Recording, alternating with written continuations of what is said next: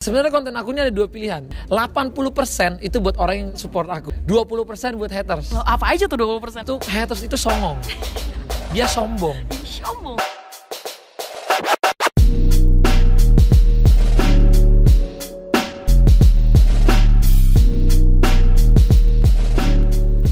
Hai, this is Mutia and you're listening to podcast P3K Pertolongan Perspektif pada Kehidupan Oke, di episode ini senang sekali gue rasanya karena akhirnya gue ditemenin lagi. Yang gue ingin gali gimana rasanya sebagai pengguna media sosial kita udah mulai berubah nih shifting trends yang tadinya kita sebagai penikmat gitu ya. Kita menonton mendengarkan tapi lama kelamaan dengan seiring berjalannya waktu ternyata di media sosial sendiri kita juga dapat berekspresi, wadah kita berekspresi sehingga banyak sekali para pengguna media sosial yang sekarang berubah menjadi content creator. Senang banget rasanya kali ini gue bisa ngobrol langsung dengan salah satu content creator kenamaan. Hintnya adalah mereka satu keluarga. Wow. Kayaknya sedikit banget atau jarang gitu ya kita dengar ada satu keluarga yang memang semua anggota keluarganya berkecimpung di dunia media sosial atau bahkan each one of them become a content creator. Kita pengen tahu sejauh apa dan sampai saat ini apa sih yang mereka tuju atau apakah sudah menemukan tujuannya berada di media sosial be it YouTube, Twitter, Instagram apa sih yang mereka cari dari media sosial? Oke, selamat siang keluarga Halilintar yang super kece badai. Halo, Hai. Salam Gen apa Gen Star. Gen Stars maksudnya. Oh, Gen Star siap. Atau kan A-Team gitu Gen Hunter Stars. Oh bener, oh ada fanbase namanya beda-beda ya berarti ya? Kalau ya, as a family Gen Hunter Stars, namanya Oke, Stars. Oke, oke, oke. Ini kalau ada bunyi kling-kling dikit ini karena emang lagi sambil makan siang ya. Nggak apa-apa diganggu nih, bukan. Apa, kita biasa sambil makan tuh sambil ngobrol. Oh ya ampun. Hati-hati keselak ya. Iya. Kita ngobrol sih sebenarnya sih Eh, dari channel YouTube-nya sendiri, misalnya membuat konten itu dimulainya dari mana sih, Bugen? Apakah eh, anak-anaknya yang menginisiasi kan sebagai anak-anak millennials nih, eh kita bikin konten di YouTube yuk? Atau Bugen sendiri juga emang aktif di sosial media sehingga akhirnya YouTube gitu atau gitu? Kita dengan 11 anak, no maid, no babysitter itu kan dianggap orang unik. Ya, terus kita suka traveling dan semua pegang kamera mandiri gitu ya saling taking care each other. Nah kata mereka unik. Kan mereka minta bikin minta ma apa sih rahasianya? Tulis dong suka dukanya akhirnya keluar buku kan. Buku Gen Halilintar udah ada empat. Nah setelah itu ada juga lia- reality show di televisi. Nah tapi kemudian Halilintar nih Pak Halilintarnya yang minggu depan eh, sudah 50 tahun. Oh masa? Hah? iya yang katanya lebih muda dari Atta kelihatannya Iya iya iya iya gayanya dong gayanya dong ih luar biasa loh. kecewa kece badai apa enggak namanya Halilintar juga juga nah jadi kalau Pak Hali itu Saya belum nikah kan. Iya gimana dong? Kok saya jadi lebih tua sekarang? Ya, karena dia dapat beban berat. Enggak karena dia beban berat. Karena kan Apa dia tuh? mandiri Hmm. mandiri tadinya kan kalau anak-anak tuh masih bergantung ke Pak Hali kalau ini udah sendiri. Jadi dia uh bebannya nah, lihat tuh rambutnya jadi sampai berwarna. Iya. saking beratnya. Ubanan, biru tapi. Terus tapi the point is Pak Hali melihat perkembangan zaman ini sekarang semua milenial ke digital. Everything is on your hand jadi kata Pak Hali nggak cukup buku nggak cukup TV kita mesti bikin channel di YouTube Ya. berarti tujuan awalnya tuh apa sih Pak Ali untuk di konten eh, YouTube sendiri? sharing the lifestyle Sharing the lifestyle. Ya, karena apa yang kita kita bikin itu kita mau uh, semua orang juga kalau ada manfaatnya, why not semua juga lihat. Kalau di buku kan yang baca sih nggak nggak sebanyak di YouTube. Di YouTube uh, satu hari bisa satu juta yang nonton kan. Nah, Oh, lah buku paling gede sejuta. iya. Eh, udah gede banget. Oh, udah gede Se banget. sejuta. Tiga ribu kan? Se- Sepuluh ribu aja udah Udah bestseller. Seratus ribu tuh cetak rekor. Kalau sejuta itu udah luar biasa. Nggak ada kali buku Tapi di YouTube satu Satu hari? video bisa sejuta. Per upload sejuta. Kadang ada yang satu kali upload dua hari 6 juta, 10 juta. Bisa. Jadi gitu ya, jadi lebih Jadi dia um, Dan lebih besar dari film juga ya. Iya, film dalam- terbesar di Indonesia aja sekarang nontonnya nggak nyampe 7 juta kan. Oh enggak, enggak.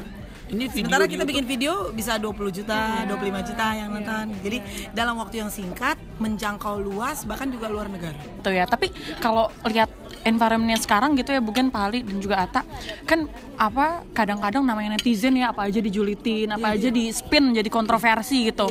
Bukan sendiri dan Pali mungkin melihatnya seperti apa sih? Apa nggak apa-apa atau anak-anaknya sendiri mungkin ada didikan khusus gitu, nggak apa-apa ada yang julitin nggak masalah atau gimana sih? Jadi gini, eh, kalau kita nanam, kan kalau kita bikinnya kayak nanam ya. Nanam tuh kan ada air, ya. Ada air tuh gimana? Enak kan? Fresh ya air ya. Terus ada apa lagi? Selain ada air, Ada tanah, pupuk. ada pupuk. Nah, nah pupuk tuh apa, gimana? Pupuk tuh enak gak? Kadang bau. kadang bau kan Hah, kalau pupuk kandang kan bau gitu tapi kalau kalau pupuk itu kita manfaatkan dengan baik dia jadi subur tanaman Menyuburkan tanaman. menyuburkan tanaman. Jadi artinya segala sesuatu yang kadang-kadang nampaknya negatif jangan-jangan positif untuk kita. Jadi mungkin ada yang kita perlu perbaiki ya ada yang perlu kita mawas diri ada yang perlu, kita introspeksi. Nah itu menyu- menyuburkan. Ada yang perlu kita kuatkan jiwa kita gitu. Wah ini kayaknya jiwa kita uh, lemah nih berhadapan dengan nikmat dan ujian misalnya kan. Nah jadi artinya kita mesti kuatkan jiwa kita. Jadi artinya kita mesti berpikir positif untuk itu gitu. Ja- jadi jangan emosi menjawabnya kenapa kita emosi sesuatu yang negatif? Kita nggak emosi sesuatu yang positif. Padahal sama-sama emosi kan? Kalau kita dipuji orang sebenarnya kita emosi juga. Emosi gila puji namanya. Nah, kalau kalau kita uh, eh, apa ketika kita dikeji sama orang sebenarnya ada juga gila apa kita jadi jadi emosi emosi marah misalnya gitu. Jadi kalau boleh ya adil dong gitu. Jadi dua-dua itu akan menyembuhkan jiwa kita. Kalau aku emang tujuan utamanya utamanya kan dagang. kan. Habis dagang, aku harus tahu eh, pasar dagangan aku tuh apa. Aku aku generasi milenial. Jadi pasar aku memang aku tuju banget generasi milenial. Gener- dan aku pelajarin generasi milenial tuh sukanya nonton apa. Nah, di situ aku lihat ternyata generasi milenial di Indonesia hampir semua itu suka yang namanya entertainment. Dan dia suka melihat anak muda lain. Dan yang ringan-ringan. Dan dia suka yang ringan. Ringan, gak suka yang berat. Dan dia udah, capek nih banyak pressure Or- orang orang Indonesia tuh nggak suka diajarin nggak usah nggak suka diguruin orang tuh suka nonton yang bikin dia terhibur. Padahal belum tahu orang dari hiburan itu bisa jadi ada hal-hal positif yang kita mau sampaikan untuk generasi milenial. Jadi cara penyampaian yang soft tapi dengan entertainment dengan dengan yang dia lihat tuh yang dia mau yang dia pengen ataupun yang yang yang yang dia terhibur. Dan menurut aku itu itulah generasi milenial Indonesia. Karena aku juga nggak tahu kenapa setiap hari penumbuhan itu semakin cepat semakin cepat semakin cepat sangkain aku nanti di angka tertentu oh berarti penonton sekarang semua udah subscribe aku jadi eh, nggak nambahnya nggak sebesar waktu kita di bawah tapi ternyata penambahan aku di angka yang sekarang tetap lebih besar dari yang jadi Berapa sih subscribernya sekarang? alhamdulillah Tinggal- OTW tinggal 6 cek juta kan. OTW 6 juta OTW 6 juta. Berarti mulai mulai konten pertama tuh di tahun berapa sih, Tak? aku tuh dulu sebenarnya bikin konten tuh sama Gen Halilintar pertamanya Hmm, aku ada channel sendiri Ah, ah. Dan aku tuh bikin konten di YouTube aku tuh sekali dua kali doang. Habis itu aku serius kayak suruh adik-adik ayo kita bikin konten apa lagi tipe-tipe Ramadan, Iya. bikin klip, bikin laguan Big Family, terus sama-sama segala macam sampai uh, akhirnya aku bilang sampai akhirnya Gen Halilintar menyentuh satu juta subs. Itu aku masih jarang banget upload di YouTube aku mungkin dua bulan sekali, sebulan sekali gitu. Dan aku lihat oh adik-adik aku udah pada pinter. Jadi waktu aku misalnya lagi eh, ngomong, oh mereka udah lebih pinter nih kayak, oh bang kita udah punya ide. Wah menurut aku di saatnya aku bilang mereka semua udah hebat-hebat. Aku kayaknya karena aku tuh orangnya terlalu ide, bukan idealis sih. Aku tuh selalu mengejolak sendiri. Jadi aku bilang konten aku nggak mungkin nanti cocok juga sama mereka.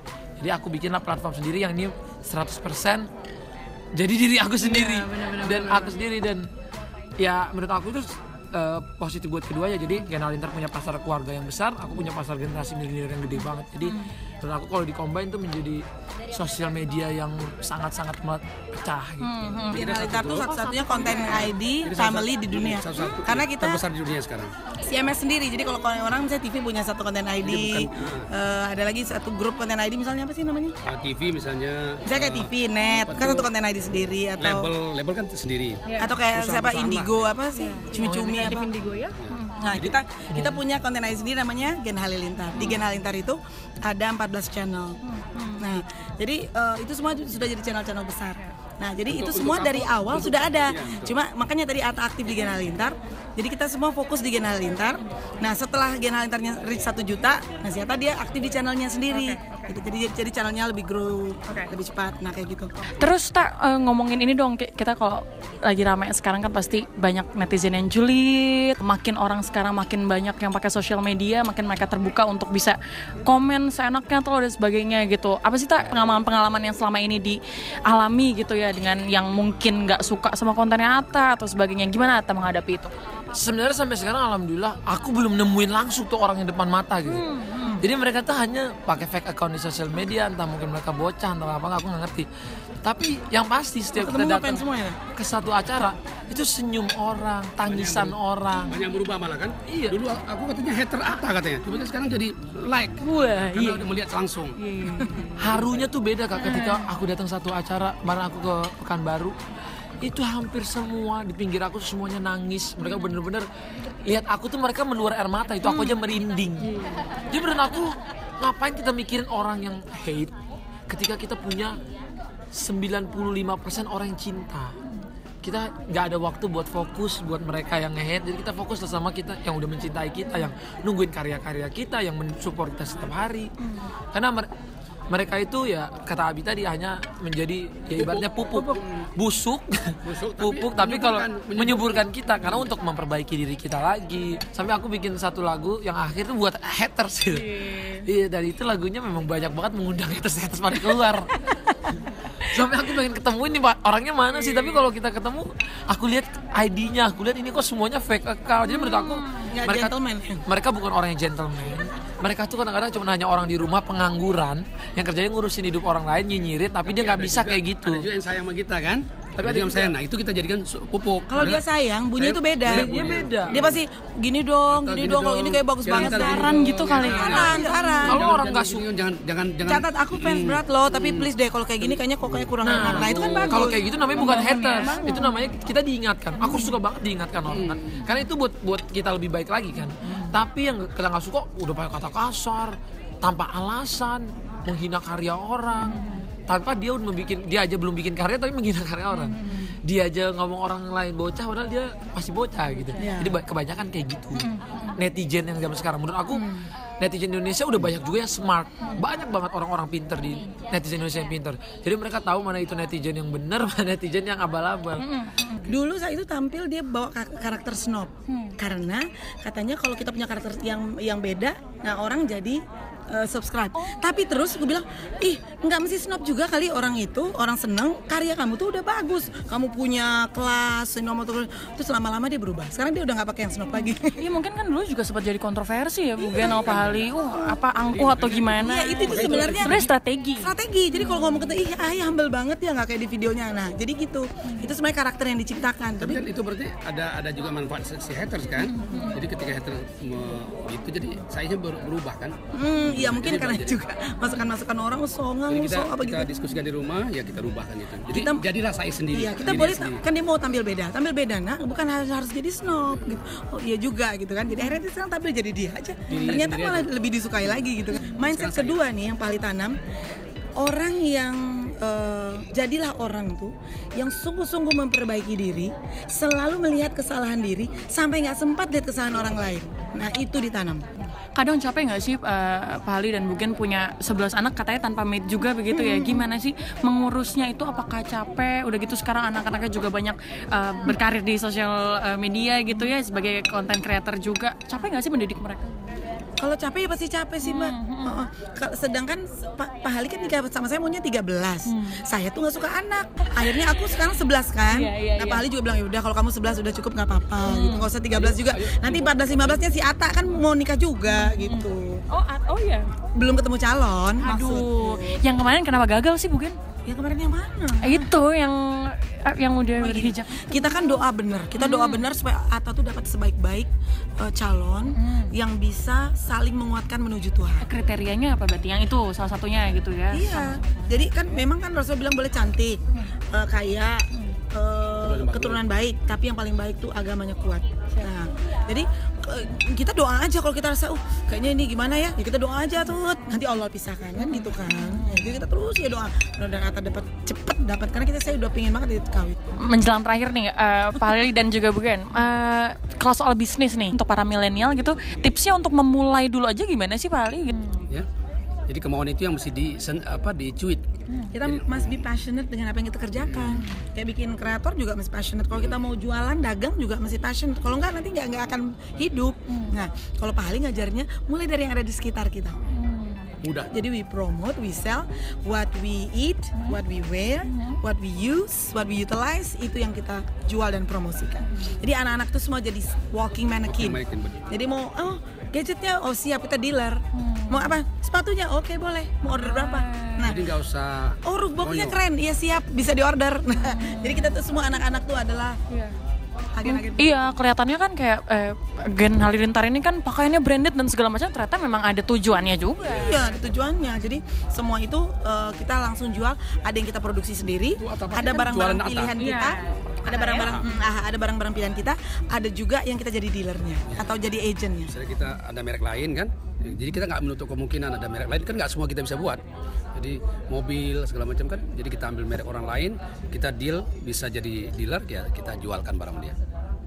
Oke, kita tadi ngelanjutin yang tadi ngobrol yang tadi sama Bugen sama Pak Ali juga ngomongin soal kontroversi. Sebenarnya eh, Ata tahu lah pasti apa yang mau tanyain soal tentang Ata versus MLI gitu. Ata sendiri ngelihatnya awalnya dari mana sih? Se- secara general Dari awal. enggak lah aku aku orangnya nggak nggak suka problem sama orang dan kalau orang nyari problem sama aku aku lebih suka kalau dia nyari problem dia ketemu sama aku gitu. kita face to face man to man eye to eye kita bo cowok kan cowok sama cowok ya udah kita ketemu masa lalu apa sini Kan tadi kita bahas haters tuh ya. masalah gua apa masa lalu apa gitu kalau kita cowok gitu nggak nggak usah pakai uh, nyinyi atau pokoknya membangun hegen, hegonisme untuk membenci dia. Yuk kita hina dia yuk kita lecehkan dia nggak gitu. Dan sampai sekarang aku juga nggak akan mau balas suruh fans fans aku juga hina balik yuk. Kita oh yuk bareng-bareng para supaya kita hina dia balik serang dia enggak kita sekarang kalau kita lebih uh, menurut aku nggak ada gunanya juga sih kayak gitu kan. Menurut aku uh, kita nggak ada waktu juga buat ke orang-orang yang kayak me- mengundang hate. Aku lebih fokus ke orang-orang yang mencintai aku. Karena menurut aku mencintai aku sekarang alhamdulillah terbesar di Indonesia itu for a reason.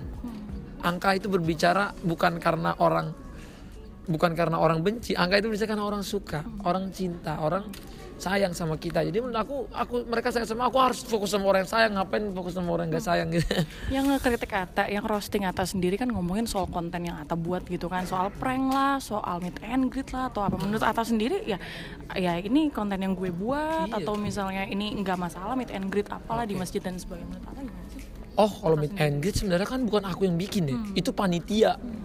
Jadi itu sebenarnya meet and greet itu dari panitia yang bikin acara. Aku mah cuma suruh post doang. Itu juga karena memperingati misalnya Hari Halal Nasional. Apa mungkin mereka butuh dana buat pembangunan eh, panggung, menyiapkan tenda-tenda, ya kan?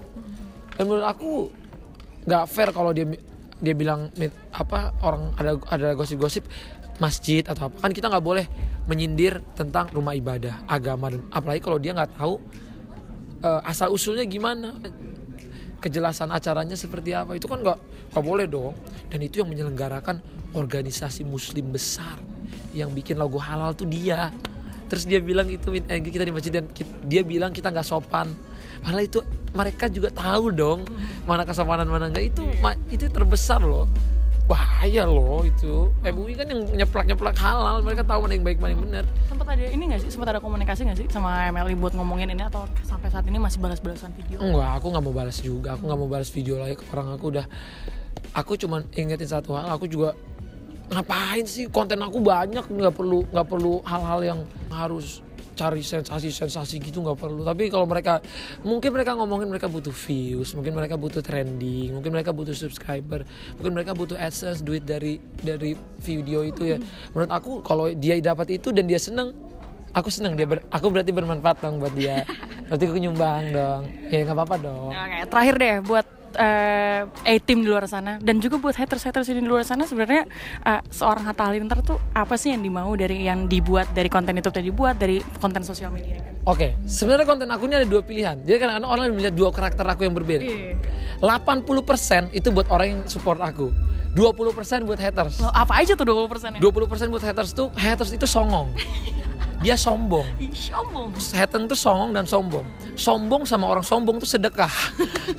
Jadi kalau dia sombong, oh lu sombong, padahal dia nggak bikin apa-apa, dia nggak karya apa-apa, masih dikasih jajan sama orang tua, tapi ngomongin karya orang, ngomongin dagangan orang, padahal dia karyanya belum ada, kan sombong. Oke, coba disombongin balik. Lu masih diem, lu masih minta nyerah ke orang tua, nih gue buktiin gue udah beli, beli ini, gue beli ini, gue beli Punya usaha sendiri dong. punya usaha sendiri. Gue udah bikin dagangan. Gue bisa bisa kita bisa menggerakin masa buat kayak gini bantu ini bantu itu segala macam. Kita bisa buka lapangan kerja buat orang banyak. Lu ngapain gitu? Jadi itu sombong tapi sombongnya buat orang sombong gitu. Ya, balas dengan balas dengan karya. Tapi kalau buat orang yang mencintai enggak. Aku bilang semoga ini menjadi motivasi buat kamu semua. Semoga karya-karya aku bisa menghibur. Dan aku pengen semua orang yang nonton bisa kalau aku bisa kalian juga bisa dan aku pengen bikin karya-karya yang mencontohi mereka kalau anak muda itu harus kreatif inovatif nggak kenal lelah nggak pantang mundur nggak boleh takut capek nggak boleh takut gagal nggak boleh peduli omongan orang yang mau jatuhin dia Thank you banget ya. much. Uca. Dadah. Thank you, Kak. Oke, kalau gitu terima kasih banyak ya. Buat Pali, makasih banyak. Thank you banget, senang banget rasanya bisa mendengar perspektif lain dari para keluarga Gen Halilintar yang selama ini kita lihat di ranah media sosial akhirnya kita bisa kenal lebih dekat. Dan itu tadi episode gue yang ketiga dari podcast P3K. Semoga lo semua seneng mendengarkannya. Dan semoga ini membuka perspektif lain kalian tentang the gold and glorious world of social media. Bukan ternyata emang bukan yang baik-baiknya aja gitu ya. Ternyata banyak sekali intrik dan ya suka duka di dalamnya. Thank you so much for listening to my podcast. I really hope I can hear or see you again next time. Bye.